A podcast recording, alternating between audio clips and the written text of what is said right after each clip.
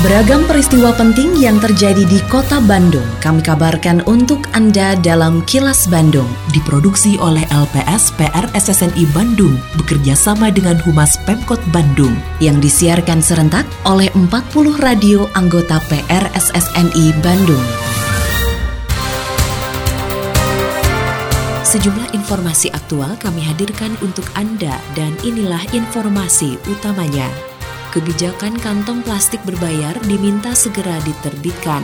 Dinas Pendidikan Kota Bandung tidak wajibkan siswa nonton film Senyum Sabian. UMKM di Jawa Barat harus naik kelas. Saya Santika Sari Sumantri, inilah kilas Bandung selengkapnya.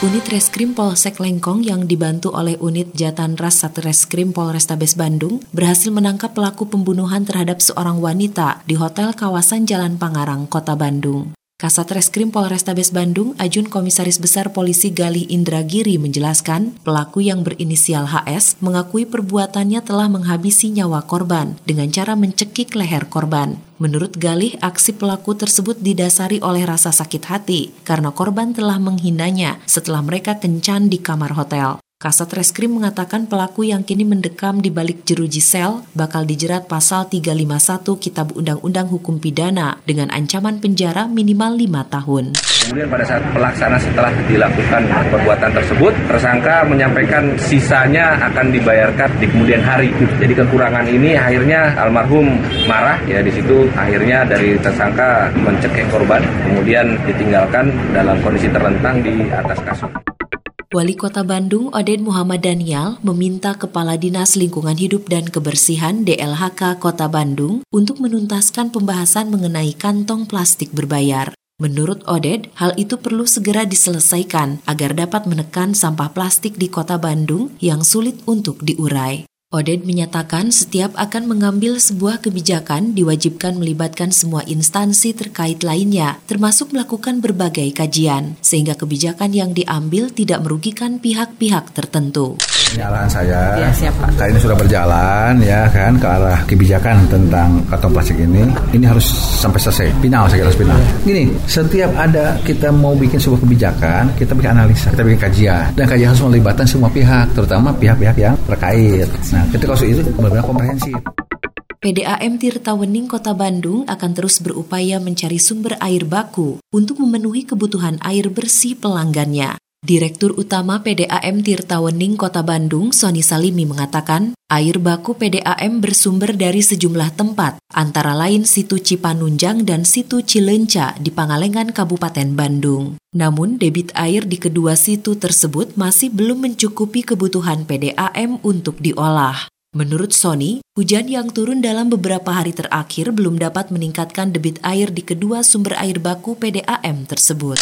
Singkat disebutkan di Rut PDAM ngomong wae cina pelayanan belum baik karena airnya nggak ada. Ya kita lihat bagaimana cadangan air kita. Di Citu Cipanunjang ini masih baru tujuh setengah meter tinggi airnya, padahal mestinya 22 meter, baru satu pertiganya. Padahal musim hujan kalau dicatat sampai bulan Maret tinggal dua bulan lagi. Nah ini saya nggak tahu nih apa bakal terpenuhi atau tidak. Kemudian Situ Cilenca mestinya kan tujuh setengah meter ya. Tingginya sekarang masih dua setengah meter. Juga masih sepertiganya. Hujan juga kan kita lihat. Dikasih hujan sedikit agak panjang frekuensi dan durasinya banjir gitu ya.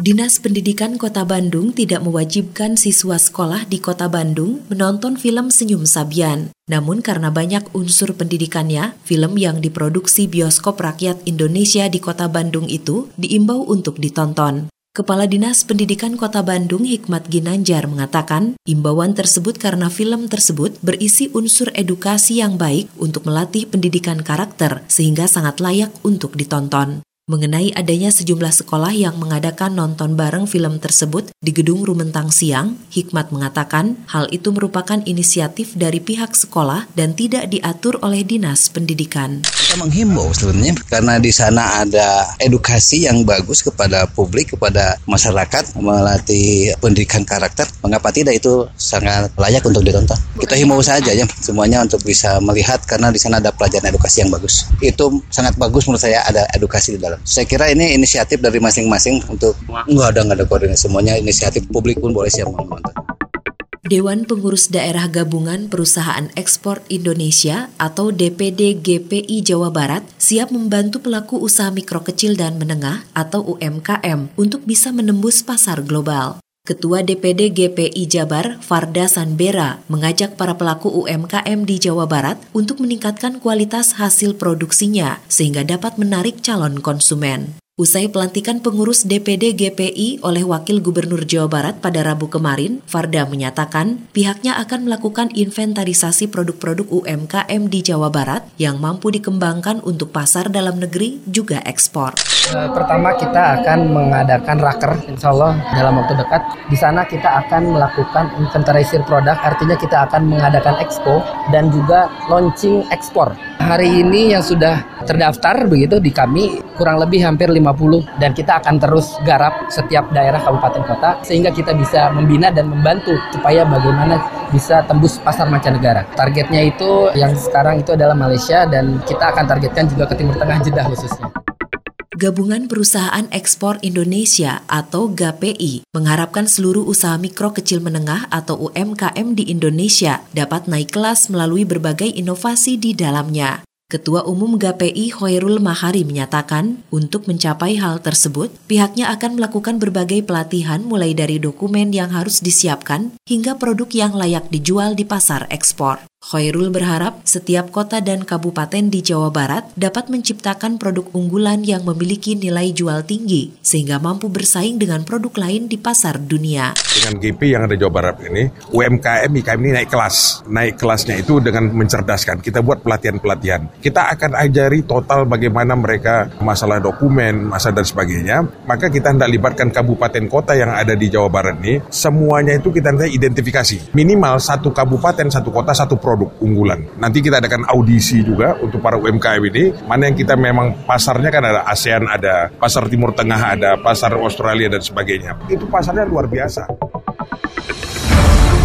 Kini, audio podcast siaran Kilas Bandung dan berbagai informasi menarik lainnya bisa Anda akses di laman kilasbandungnews.com.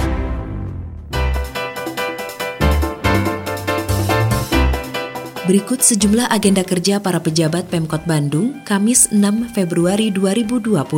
Wakil Wali Kota Yana Mulyana menerima audiensi Forum Pedagang Kreatif Lapangan Juara terkait evaluasi penataan PKL di Kota Bandung. Sementara itu Sekretaris Daerah Emma Sumarna memimpin rapat kerja Raperda Penanggulangan Kemiskinan. Adapun Bandung menjawab di ruang mediasi Balai Kota Bandung menghadirkan narasumber dari Dinas Pemberdayaan Perempuan, Perlindungan Anak dan Pemberdayaan Masyarakat DP3 APM Kota Bandung, juga Badan Perencanaan Pembangunan Penelitian dan Pengembangan Bapelitbang Kota Bandung. Selain agenda kerja para pejabat Pemkot Bandung, informasi dari Humas Kota Bandung yaitu untuk memfasilitasi kegiatan para warga lanjut usia atau lansia, Pemkot Bandung mendirikan sekolah lansia. Sekolah ini bertujuan meningkatkan kesehatan, kebahagiaan, kualitas hidup dan produktivitas, juga kemandirian kalangan lansia. Sekolah Lansia Sibulan di kantor Kecamatan Sukajadi menjadi sekolah lansia pertama yang dimiliki Kota Bandung. Rencananya akan ada empat sekolah lainnya di Kota Bandung, yaitu di Kecamatan Antapani, Sukajadi, Ujung Berung, dan Kecamatan Cinambo. Wakil Wali Kota Bandung Yana Mulyana mengatakan, meski berlabel sekolah, nantinya pendidikan yang disampaikan lebih ke aplikatif bukan teoritis, mengingat para lansia lebih mudah untuk melakukan yang aplikatif.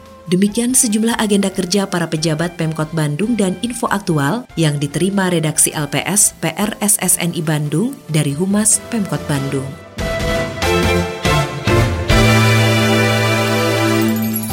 Terima kasih Anda telah menyimak Kilas Bandung bekerja sama dengan Humas Pemerintah Kota Bandung yang diproduksi oleh LPS PRSSNI Bandung.